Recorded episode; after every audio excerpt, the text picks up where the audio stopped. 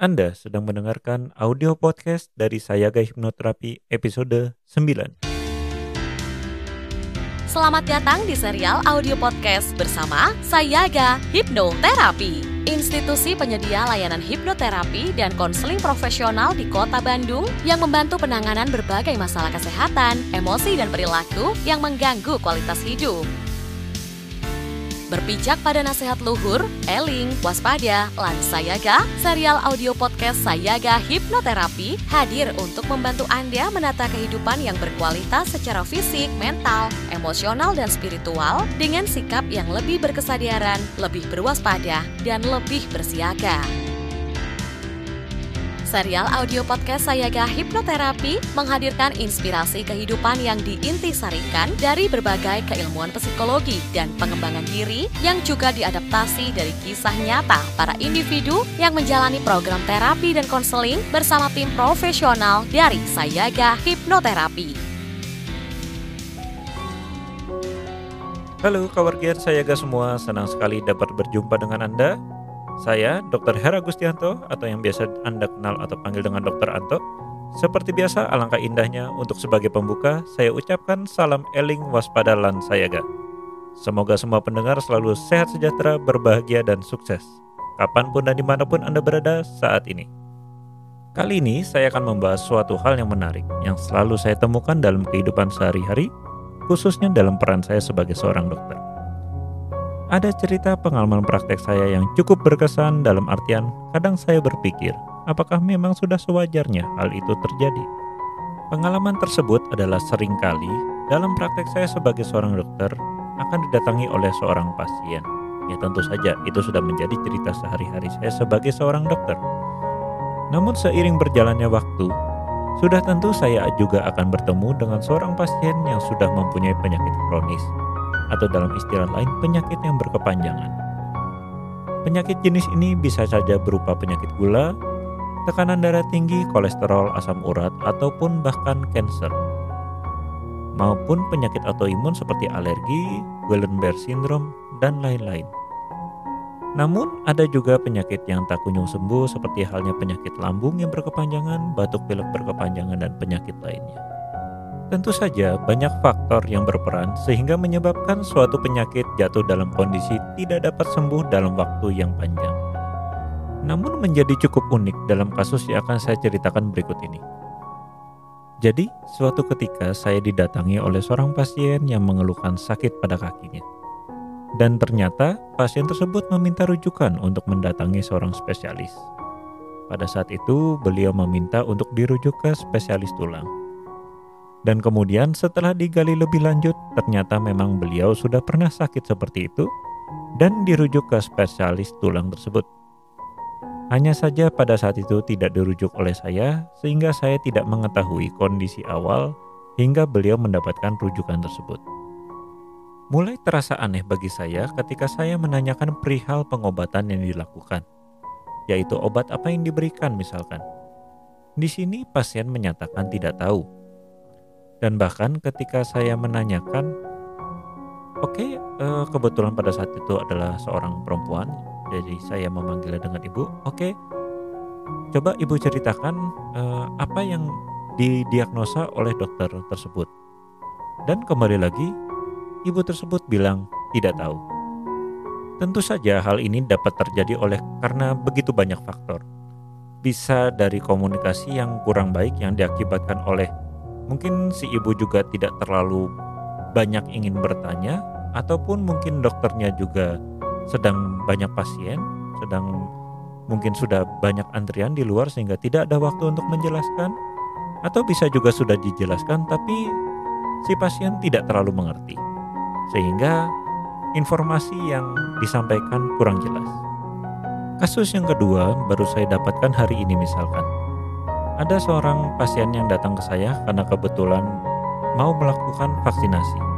Ternyata tensi yang didapatkan cukup tinggi sehingga beliau tidak memenuhi syarat untuk dilakukan vaksinasi. Yang menarik adalah ketika saya tanyakan, apakah sudah melakukan pengobatan terhadap tekanan darah yang tinggi tersebut. Namun ternyata beliau menyampaikan tidak.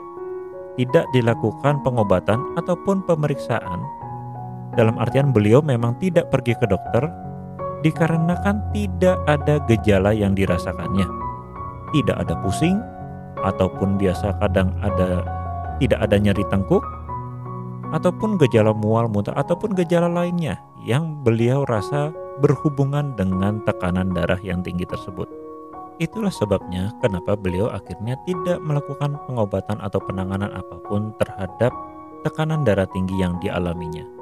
Tentu saja dari hal medis, perbuatan seperti ini atau perilaku seperti ini akan sangat merugikan pasien, di mana pasien tidak melakukan pengobatan hanya berdasarkan karena tidak adanya gejala yang dirasakan oleh pasien.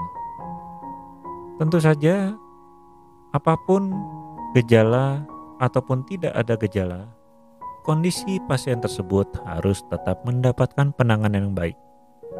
Karena walaupun tanpa gejala, proses penyakit tersebut akan terus berjalan.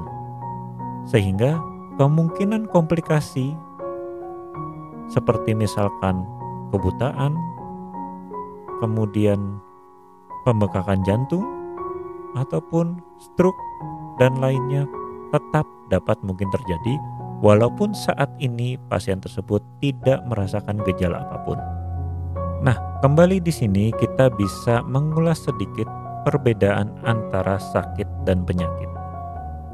Di mana sakit lebih bersifat subjektif, yaitu apa yang dirasakan oleh pasien. Sedangkan penyakit bersifat objektif. Contohnya adalah yang kita lihat pada pasien tersebut, di mana pasien mungkin tidak mempunyai rasa sakit ataupun gejala yang ditimbulkan oleh penyakit. Namun tetap penyakitnya berproses dalam dirinya, yaitu tekanan darahnya tetap tinggi dan tekanan darah tinggi tersebut akan beresiko menimbulkan komplikasi-komplikasi seperti yang telah saya sebutkan tadi, yaitu kebutaan, pembengkakan jantung, ataupun bahkan stroke. Untuk lebih mempermudah Anda memahami, bisa kita bayangkan sebuah rumah yang mempunyai alarm kebakaran. Jika terjadi kebakaran, maka tentu idealnya alarmnya akan berbunyi.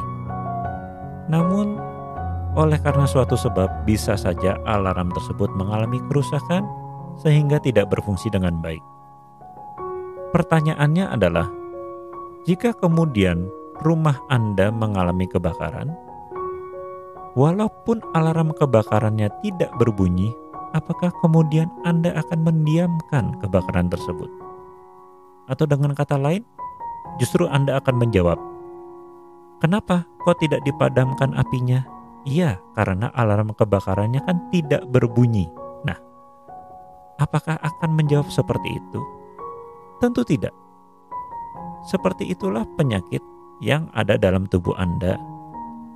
Sebuah penyakit biasanya akan menimbulkan gejala. Pada tekanan darah tinggi, biasanya gejala yang timbul bisa berupa sakit kepala, pusing, ataupun pegal-pegal di tengkuk. Hanya saja, oleh karena suatu sebab, bisa saja gejala tersebut tidak dirasakan oleh Anda.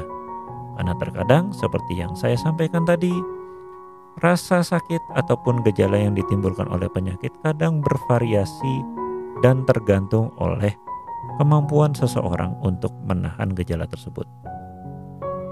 Sehingga penyakit yang sudah mempunyai gejala tentu harus ditangani. Namun, tetap ingat juga bahwa jika Anda mempunyai kondisi penyakit yang sudah jelas seperti tekanan darah tinggi tadi, namun tidak mempunyai gejala, maka tetap lakukan penanganan. Kenapa? Karena proses untuk menuju komplikasi penyakit tetap berjalan. Dari hal tersebut, kita bisa sedikit mengambil kesimpulan bahwa terkadang seseorang memilih untuk tidak mengakui atau bahkan sedikit membohongi dirinya bahwa dirinya baik-baik saja, tidak mempunyai masalah ataupun penyakit apa pun di mana hal ini bisa disebabkan oleh berbagai hal. Bisa disebabkan oleh memang ketidaktahuan, rasa malu, mungkin juga tidak peduli, dan banyak hal lainnya. Bahkan dalam sebuah artian tertentu, seolah-olah kita justru memandang penyakit ini sebelah mata atau bahkan tidak perlu dipedulikan. Karena itu menjadi cukup menarik untuk saya untuk sekedar memikirkan atau mencari tahu apa gunanya penyakit ini ada dalam dunia kita, dalam kehidupan kita, atau bahkan sekarang ada dalam diri kita. Ada tiga filosofi yang saya kembangkan mengenai penyakit. Tentu saja filosofi ini berdasarkan hasil pengalaman dan pemikiran saya. Sehingga mungkin bagi Anda yang merasa filosofi ini kurang cocok, silahkan dikembangkan demi kebaikan kita bersama. Yang pertama adalah penyakit sebagai sebuah pengingat. Tentu saja kita semua sudah menyadari bahwa sebagian besar penyakit timbul akibat perilaku kita sendiri. Misalkan saja banyak penyakit lingkungan yang bisa timbul akibat perilaku membuang sampah sembarangan. Ataupun penyakit katakan gula yang bisa juga disebabkan oleh perilaku makan secara berlebihan. Atau juga penyakit yang berkaitan dengan obesitas kegemukan di mana itu juga terpengaruh sangat besar dari perilaku makan yang berlebihan. Dari contoh-contoh yang telah saya sebutkan barusan, tentu Anda sudah terbayang bahwa penyakit yang timbul itu adalah akibat dari kebiasaan atau perilaku yang dilakukan, di mana pada akhirnya penyakit tersebut muncul sebagai pengingat agar perilaku yang kita lakukan tadi tidak kita lakukan lagi atau minimal lebih diatur atau dikendalikan supaya tidak merusak untuk kesehatan kita ke depannya.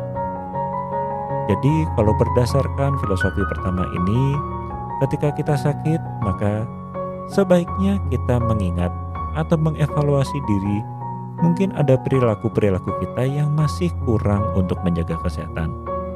Sehingga penyakit ini mengingatkan kita agar kita mencari atau mengubah perilaku kita yang dirasa kurang baik atau kurang cocok untuk kesehatan kita. Filosofi yang kedua adalah penyakit sebagai sebuah ujian. Diibaratkan saja kita ini semua seperti sedang sekolah, dan untuk naik kelas tentu saja kita memerlukan sebuah ujian di mana ujian ini adalah untuk memastikan bahwa kita telah mempunyai dasar keilmuan ataupun kemampuan yang cukup untuk naik kelas. Seperti itulah penyakit ini timbul. Sudah terbukti, kalau kita tidak pernah terkena penyakit apa pun selama hidup kita, tentu saja daya tahan tubuh kita juga disinyalir tidak berkembang. Daya tahan tubuh kita berkembang dari satu penyakit ke penyakit yang lainnya. Begitu pula seperti pada COVID yang kita hadapi akhir-akhir ini. Daya tahan tubuh kita akan terus berjuang untuk selalu mengejar kemampuannya dalam menghadapi si COVID.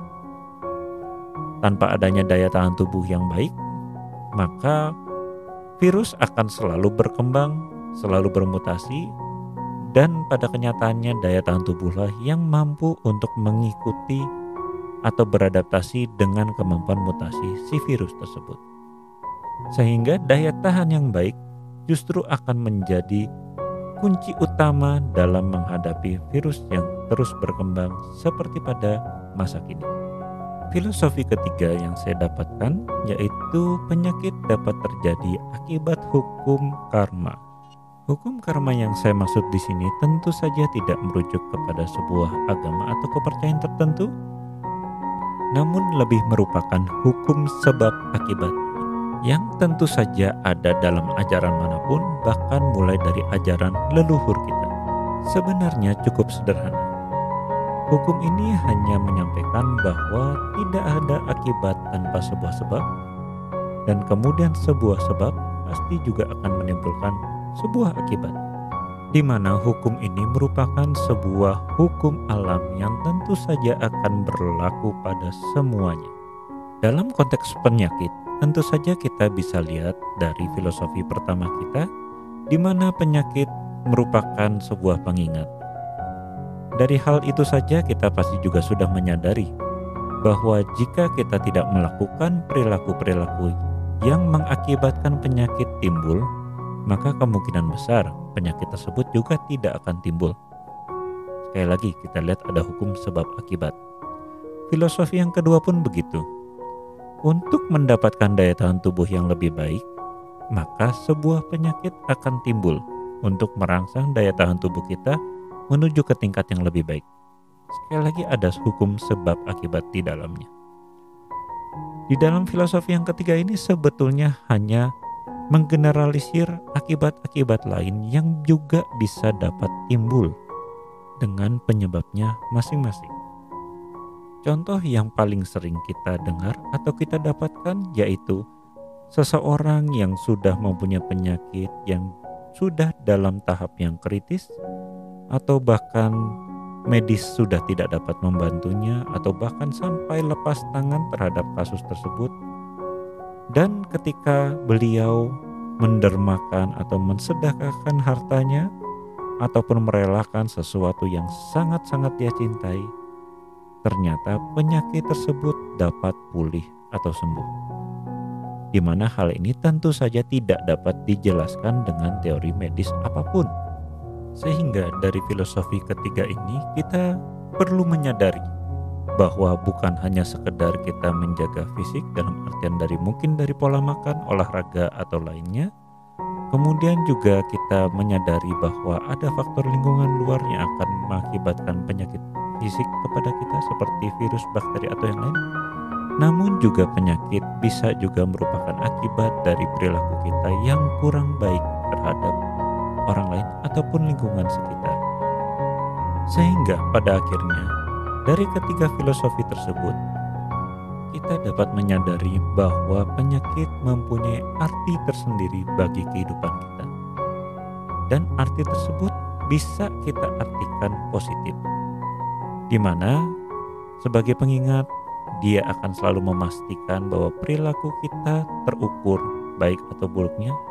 Kemudian sebagai ujian, dia akan membantu kita untuk menaikkan level daya tahan kita. Dan terakhir adalah sebagai hukum karma, dia mengingatkan kita juga untuk tetap menjaga perilaku kita dan pada beberapa agama tertentu mungkin penyakit bisa dianggap sebagai penebusan dosa untuk meringankan beban kita di kehidupan selanjutnya.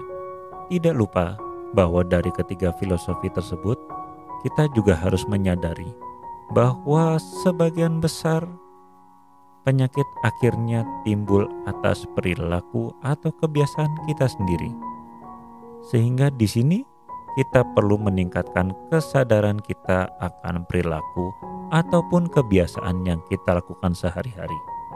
Karena perilaku atau kebiasaan kita tentu saja jika berujung negatif seperti penyakit akan merugikan kita sendiri. Tidak mudah memang untuk mengubah perilaku kita. Banyak sekali dasar-dasar ataupun permasalahan yang dapat menjadi dasar timbulnya perilaku tersebut. Nah, tentu saja perilaku tersebut dapat berupa fisik ataupun secara mental. Di mana perilaku fisik tentu saja harus diperbaiki secara fisik. Misalkan saja pola makan yang tidak teratur, kemudian kesalahan pemilihan jenis makanan, menu makanan, ataupun mungkin kebiasaan olahraga yang kurang dan lainnya. Hanya saja di sini saya juga perlu menekankan bahwa sering kali hambatannya juga berada di mental, di mana untuk merubah atau melakukan suatu kebiasaan baru yang berujung pada kesehatan, banyak individu yang sering merasa kesulitan untuk merubah, baik itu akibat trauma, rasa malas, ataupun tidak ada motivasi untuk merubahnya. Nah, hal ini jika tidak ditangani terlebih dahulu tentu saja perubahan fisik tidak akan tercapai. Karena pasien atau klien tersebut terus saja merasa bahwa dirinya sesungguhnya mungkin tidak perlu berubah atau ada perlawanan dalam dirinya yang menghalangi perubahan-perubahan tersebut. untuk mengatasi masalah-masalah mental seperti tersebut. Untuk itulah ada profesional-profesional yang bekerja dalam bidang kesehatan mental, di mana dengan menggunakan teknik-teknik tertentu, permasalahan-permasalahan mental tersebut dapat diatasi sehingga tidak menghalangi atau tidak menghambat Anda untuk melakukan perubahan fisik ke depannya. Di mana salah satu contohnya yang sudah banyak dibicarakan atau bahkan banyak yang sudah mempraktekkan yaitu hypnoslimming misalnya untuk kasus kegemukan di mana tentu saja untuk merubah kegemukan ini secara fisik banyak orang mengalami hambatan mental.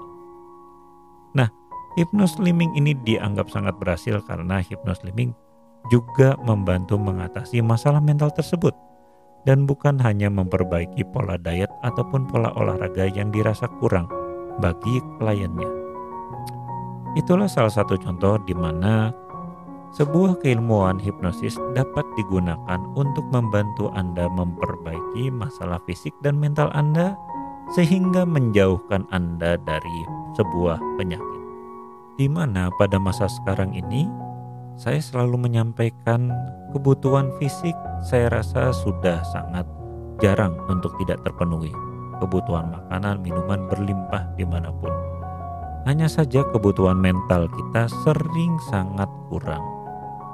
Inilah yang akhirnya banyak menjadi masalah fisik atau masalah penyakit di masa mendatang. Oke, jadi sekian dulu dari saya, Dr. Hera Gustianto, mengingatkan Anda untuk selalu menjaga kesehatan, bukan hanya sekedar kesehatan fisik, namun juga mental Anda. Kenapa? Karena itu semua akan berpengaruh terhadap kejadian penyakit dalam tubuh Anda. Sekian dari saya, terima kasih. Salam eling, waspada, lan sayaga. Dapatkan lebih banyak inspirasi menarik lainnya dengan ikuti Instagram @sayaga.hipnoterapi dan podcast channel Sayaga Hipnoterapi. Kunjungi juga website www.sayaga-hipnoterapi.com untuk temukan lebih banyak informasi menarik lainnya, termasuk untuk memesan layanan hipnoterapi dan konseling bersama para tim profesional dari Sayaga Hipnoterapi di Bandung untuk membantu Anda menangani berbagai masalah kesehatan, emosi, dan perilaku yang mengganggu kualitas hidup. Mari menjalankan kehidupan yang eling, waspada, lan sayaga.